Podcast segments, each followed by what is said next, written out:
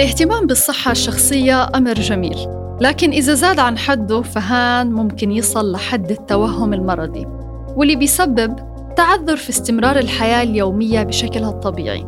الناتج عن الفرط في المخاوف والهواجس من الأمراض. اليوم معنا الدكتورة سعاد كلوب أخصائية نفسية وعلاج بالبرمجة اللغوية العصبية لتخبرنا أكثر عن توهم المرض. دكتورة بالبداية أهلا وسهلا فيكي نورتينا. إيه، تسلمي لي تسلمي لي. هلا فيك أستاذة مروة وهلا بمستمعينا الكرام. دكتورة في البداية لو توضحي لنا أكثر شو يعني توهم المرض وتوضحي لنا أكثر أبرز أعراضه. إيه توهم المرض. إيه توهم المرض هي فكرة إيه وسواسية تبتدي بالأول إراديا ومنسمى لا إراديا. إيه الإنسان فيها هو إيه تركيزه بيكون دائما على جسده. على أعضاء جسده نبضات قلبه إيه، أعصابه. طول الوقت مركز إنه هل جسده دائما بصحة أم غير صحة. وأي عرض بسيط بيتوهم إنه إيه، هذا مش مرض أو عرض بسيط كل إنسان بيصاب فيه لا هو مصاب بهذا المرض. وهدول الأشخاص بيكون في البداية بيكونوا متابعين جيدين لجميع الأمراض. وهو تلقائي بيصير المتابعة لهذا الشيء بيصير لا تلقائي يتقمص هذه الأعراض.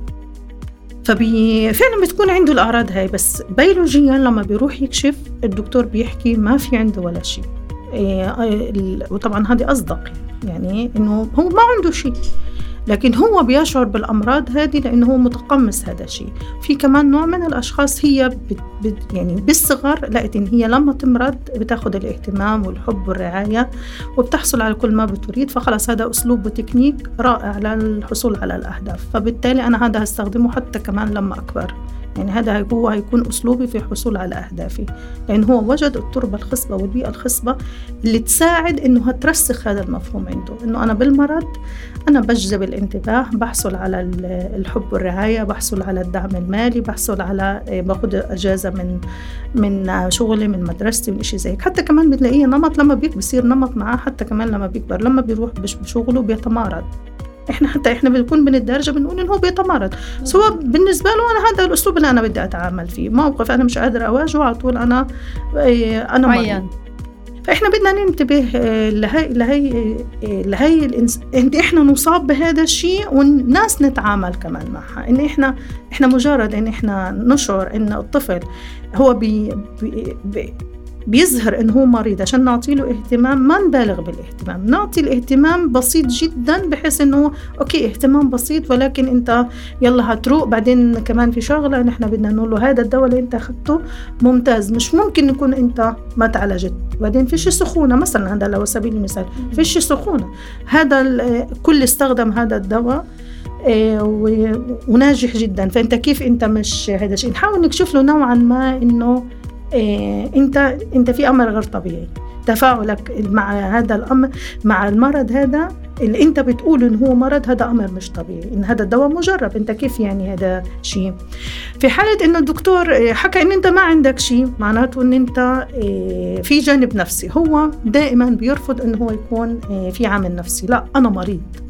يعني حتى بتيجي انت بتحكي معه يمكن الحالة النفسية لإلك ممكن نعالج الجانب النفسي. لا هو لا يتعامل تماما مع إنه هذا جانب نفسي. لا أنا بالفعل مريض جسدي يعني هو بيأكد على هذا الشيء لكن هو ما بيكون مريض. هو بيكون بيشعر بآلام معينة ولا وهم؟ هو بيكو هو هو مش مش بيشعر هو بيتوهم إنه هو بيشعر بهذا الشيء. يعني إحنا إحنا إحنا طبيعة الجسم هو في تفاعل دائما يعني انت بتجيك أحيانا نغزة بالقلب. هيك بتكون بتمر. لا هو بياخذها إنه هو هذا هي عرض اجاني هي أنا جت لي هذه النغزة بالقلب.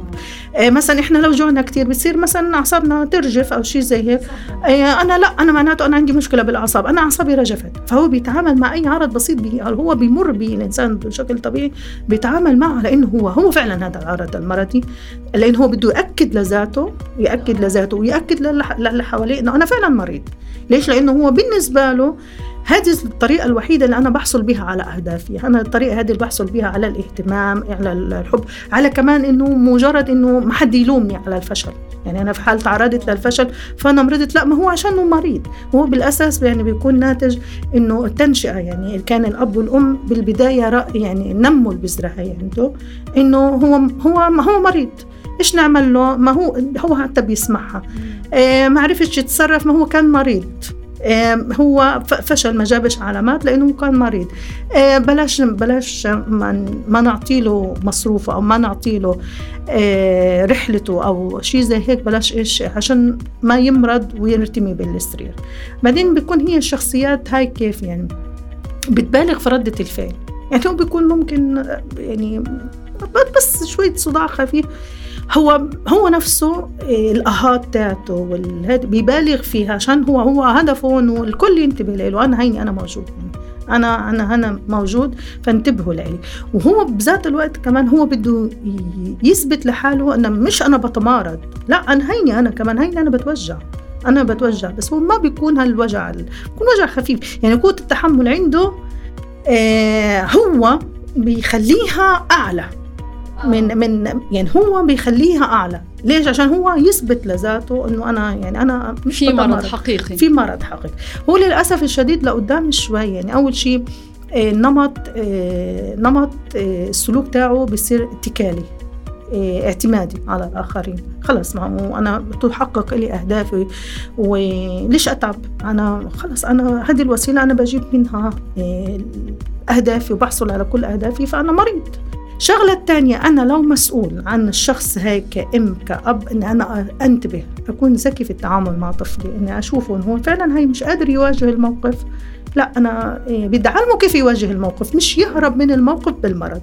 لا طب تعالى أنت ليش ما بتحب تروح المدرسة؟ ما بتحب تروح المدرسة لأنه وبيشعر بالفشل فيها بيشعر إنه هو منبوذ مكروه. لا طب تعالى نعمل خطة. نعمل آه، خطة نحل المشكلة مش نساعد في الهروب من المشكلة. صح. لو هو كبير كمان لو هو كبير بنتك طب وين المشكلة؟ بدنا نعالج المشكلة هاي بدون بعيد عن المرض.